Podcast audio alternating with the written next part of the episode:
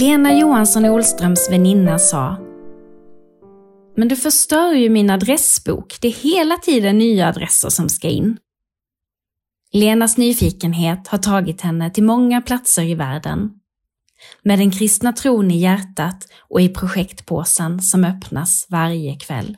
Lena, när jag bad dig välja ut några platser som du skulle prata om eh, här i Prolog så sa du att nej, men det är inte platserna som är viktiga egentligen, det är ju människorna. Hur tänkte du då?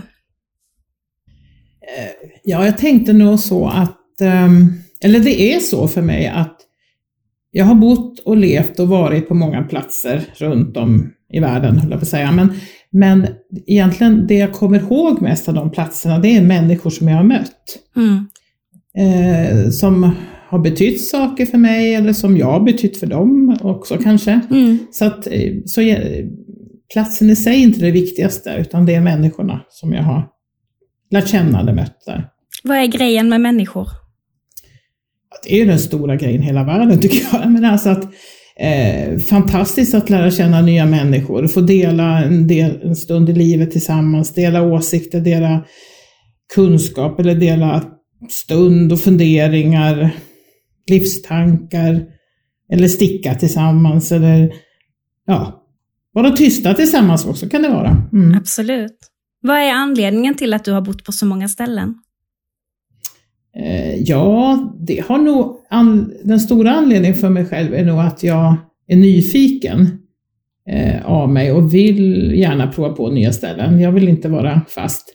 Jag växte ju upp i Gamla Uppsala eller Nyby. Eh, men sen har jag ju bott och jobbat på olika ställen i Sverige och utomlands då. Och det, det är nog nyfikenheten och eh, spänningen i det också. Modigt, tycker jag. Roligt, ja. Sen träffade jag ju en skåning, så då blev det ju liksom Skåne, Skåne också och lite fram och tillbaka. Och han tycker också om att, att bo på olika platser och spännande, så att det har vi gett sig tillsammans då. Mm. Mm. Fint. Mm. Men precis som du sa, du växte upp i Nyby. Mm. Var, var ligger det? Det ligger till gamla Uppsala då, Uppsala. Och när jag växte upp då så var ju det en by för sig kan man säga. Det är det ju inte längre, allt hänger ihop i Uppsala nu. Men det var ett, lit, ett litet samhälle då. Där växte jag upp. Um, inte mina allra första små år, men från det jag var fyra år uh, så bodde jag där. Med mamma och pappa, mina syskon. Mm. Ja, och där hade du din mormor?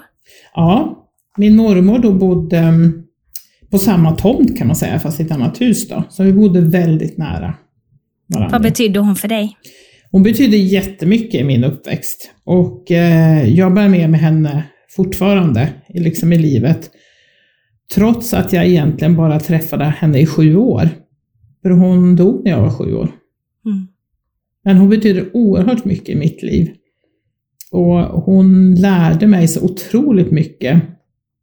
Både rent praktiskt.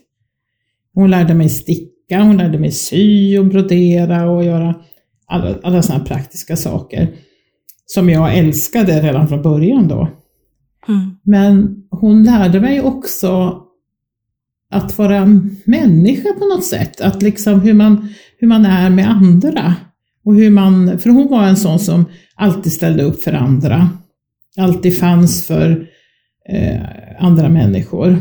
Och sen hade hon en, en varm, skulle jag vilja säga, en varm och kristen tro. Mm. Som betyder jättemycket för mig också. Du sa att hon eh, lärde dig vikten av att göra klart. Vad betyder det? Ja, för det, var det något hon inte tyckte så var det det här med att slarva. Va?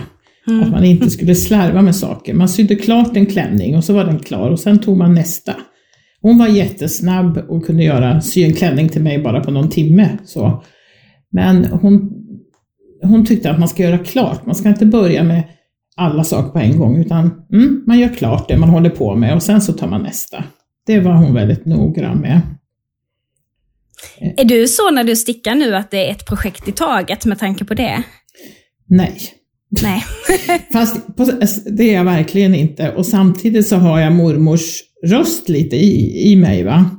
Mm. Eh, men då kan jag berätta att när jag var på en stickkurs för många år sedan så var det en kvinna där som gav lite förlösande ord till mig också. Och hon sa det, man måste ha olika stickningar på gång. Man måste ha, annars får man ont i axlarna. Man måste ha en liten lätt och så får man ha den här tunga och så måste man ha en som man kan ha i handväskan och ha på bussen eller tåget. Och sen så får man ha en sån här komplicerad där man måste tänka väldigt mycket och där man måste vara själv. Mm. Och det blev lite förlösande för mig och det tror jag egentligen min mormor också hade gillat. Ja. Och så, att då kan man ha flera igång samtidigt. Mm. Jag tänkte på när du berättade för, dig, för mig innan det här om att göra klart att eh, min textilslöjdslärare skulle ju, ja, hon hade nog haft svårt att tro på att jag stickar så mycket som jag gör. Eh, jag lämnade allting till mamma. Eh, mamma har stickat massa saker till mig i slöjden. Eh, och lite också av den anledningen som vi ska komma in på nu hur det var för dig. Um, för hos oss var det också sådär, man fick inte göra man fick inte göra vad man ville eller hur man ville. Och man kan ju också lära sig av människor som kanske inte tycker samma som en själv. Vilka betydelse hade din textilslöjdslärare för dig? Ja, det här kan bli lite pinsamt, men, men eh, för textilslöjd var ju ett ämne som jag tyckte jättemycket om. Det här är grundskolan, eller ja, mellanstadiet där man började.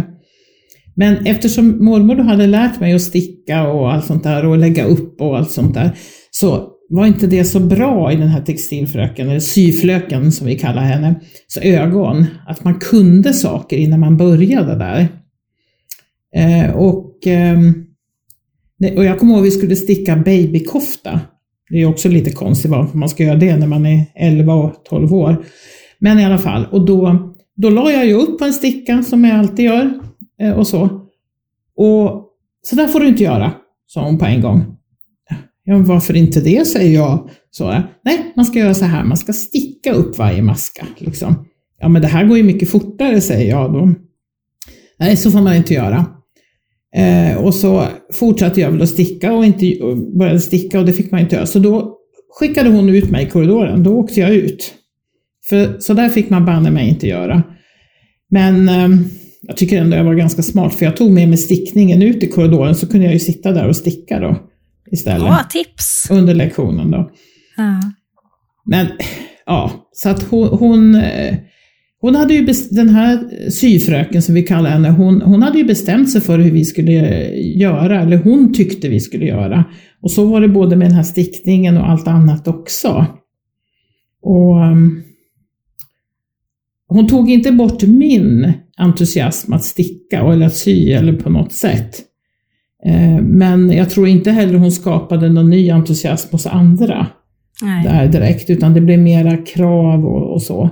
För hon kunde inte se att man kunde göra på olika sätt, liksom, eller hon gav ingen ehm, eh, inspiration eller någonting till liksom att, att våga, ja, eller att fortsätta och, och bara jobba med textil eller någonting sånt. Mm. Det gjorde han inte. Tänk ändå att det har blivit en så stor passion för dig. Mm. Mm. Ja, det är otroligt. Och jag mm. har, har ju klasskompisar från den tiden som också har det, trots att vi hamnar i den situationen. Så mm. att, mm. Vad har du lärt dig från den här händelsen? Ja, men jag tänker att jag, hon, hon har ju alltid, eftersom jag kommer ihåg den och hon har alltid funnits med mig, så har hon också varit den som har, eh, eller den här händelsen har alltid varit den som fått mig att tänka, nej men man kan göra på ett annat sätt också. Och det har hon lärt mig när jag har jobbat med barn och ungdomar, att man, det finns inte bara ett sätt. Lyssna på vad, eller se vad den här personen, hur den gör, det kanske går lika bra det. Mm. Eh, och, så på så sätt så har ju hon lärt mig någonting, gett mig pondus på något sätt att, att faktiskt eh, eh, inför mig själv vara lite mer öppen för att man kan göra på olika sätt. Det är inte mm. mitt sätt som är det bästa. Du, jag tänker ju också, du pratade här om att jobba med barn och ungdomar och sådär. Vill du berätta lite kort om vad du jobbar med idag? Mm. Idag jobbar jag ju som skolkurator och boendestödjare på en folkhögskola. Mm. Vad innebär det jobbet? Det, vad det gäller i boendestödet så innebär det att, att man finns för elever som går på skolan och bor här men behöver stöd för att bli så självständiga som möjligt i sitt boende. Att laga mat, att ha rutiner i att sköta sig själv och sitt hem på något sätt. Och så eh, coacha dem på olika sätt kan man säga. Och i mitt jobb som skolkurator så, så är det ju att finnas för all, alla studerande på skolan. Både med samtal men också eh, ja, finnas och vara lite förebyggande i prat och sådär. Jag har väldigt mycket samtal just nu under pandemitiden skulle jag vilja säga. Eh, och så. Så att, eh, ja, det är nog ganska klassisk skolkuratorjobb, liksom. Mm. den biten. Fantastiskt jobb är det. Mm. Ja. Vad lär du dig om dig själv i det jobbet? Ja, jag, ja, vad lär jag mig själv? Jag lär ju mig massor varje dag, men jag lär av andra. Men jag lär mig eh, hela tiden att våga stanna upp, att lyssna, att våga vara, eh, vad ska jag säga, våga, men också våga vara eh, ifrågasättande, våga vara nyfiken eh, på, på alla olika sätt.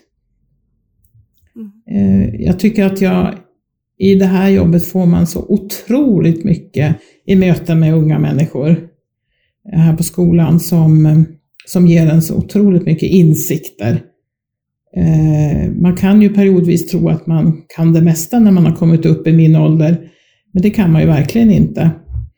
Eh, och eh, trots att man har erfarenheter från tidigare så, så fylls man på hela tiden med nytt. Ja, det är bara spännande tycker jag varje dag. När Lena tagit studenten tog hon med sig stickningen till Marseille i Frankrike för att jobba som au pair. Här mötte hon Astrid Nilsson som kom att betyda mycket för hennes framtida arbete med människor. Ja, Astrid Nilsson var en kvinna som jag mötte när jag kom till Marseille. Eller den lilla byn Portebouc som ligger precis utanför Marseille. Eh, hon var utsänd av ehm, Pingstmissionen uppe från eh, Värmland och hade arbetat i Marseille i över 30 år i slummen bland eh, utslagna, eh, ja, på samhällets botten kan man säga, människor som både bland prostituerade och alkoholiserade och, och och så och besökte fängelser och så. Och hon levde i slummen där i Marseille som då var en riktig gangsterstad. Det här var ju i slutet på 70-talet. Eh, och där levde hon mitt i det där och mötte människor, eh, missionerade men också missionerade rent eh, mänskligt och såg till att det skapades soppkök och alla sådana här saker. Eh, henne mötte jag då när jag kom då som 19-åring dit till Marseille. Och, det, eh, och hen, när hon berättar om sitt arbete, det hon hade gjort där, var, det var så omvälvande och stort på något sätt, fantastiskt. Samtidigt som hon själv inte tyckte att det var något, det här, det här är väl bara att vara människa. Men, och hon fick ju ofta frågan liksom, men hur vågar du gå där på de där gangstergatorna och, eh, och så. Och då sa hon ju alltid, ja men jag har ju Jesus med mig så det är inga problem. Han, han följer mig och han leder mig och, och så. Och, och, det, var, det var så fantastiskt för det var så naturligt när hon bara, bara sa så rakt ut liksom och hon var inte rädd. Eh, och hon var så, så enormt stark i sin tro. Eh, och, eh, och det satt, det, det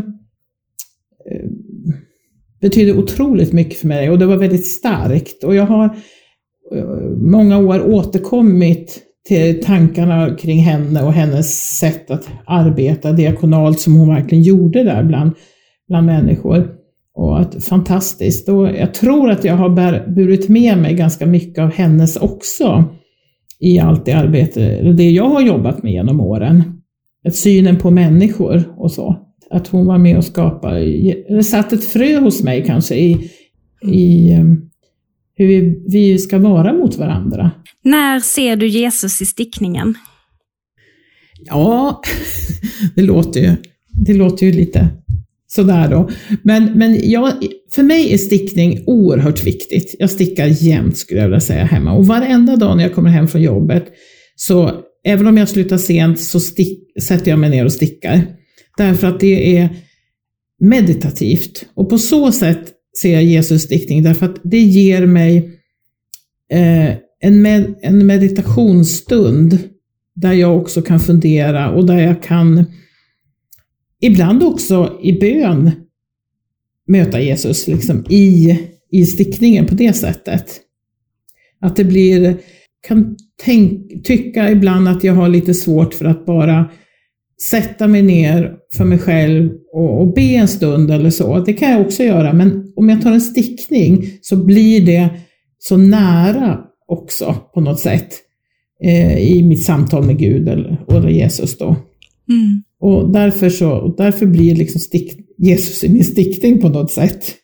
Och sen tänker jag, för jag stickar väldigt mycket som jag ger till andra, och då tänker jag att jag ger iväg lite Jesus till andra också i stickningen. Ja. Även om jag inte säger det till personen. Nej. Och lite så som vi pratade om innan, att ibland är det ju ett rent mirakel att saker och ting blir klara. Ja, det också.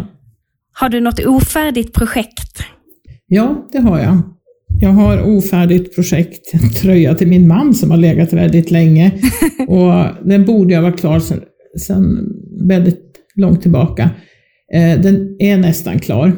Men det är ju så roligt att börja på nytt. Så därför började jag på nytt igår. på en ny tröja från Tankofta. Härligt. Men det är ett spännande projekt för jag har inte stickat någon gång uppifrån och ner. Nej. Så det är, en, det är en, en, en utmaning för mig nu. Men jag har lovat mitt man att hans kofta eller tröja som inte är klar, den ska göras klar väldigt snabbt nu också. Att göra klart och att bli färdig. Blir man någonsin det? Ser du hantverket som en process? Och hur ser du livet? Intervju och innehåll Anna Strömberg Pamp Sofie Langvad har klippt och redigerat avsnittet.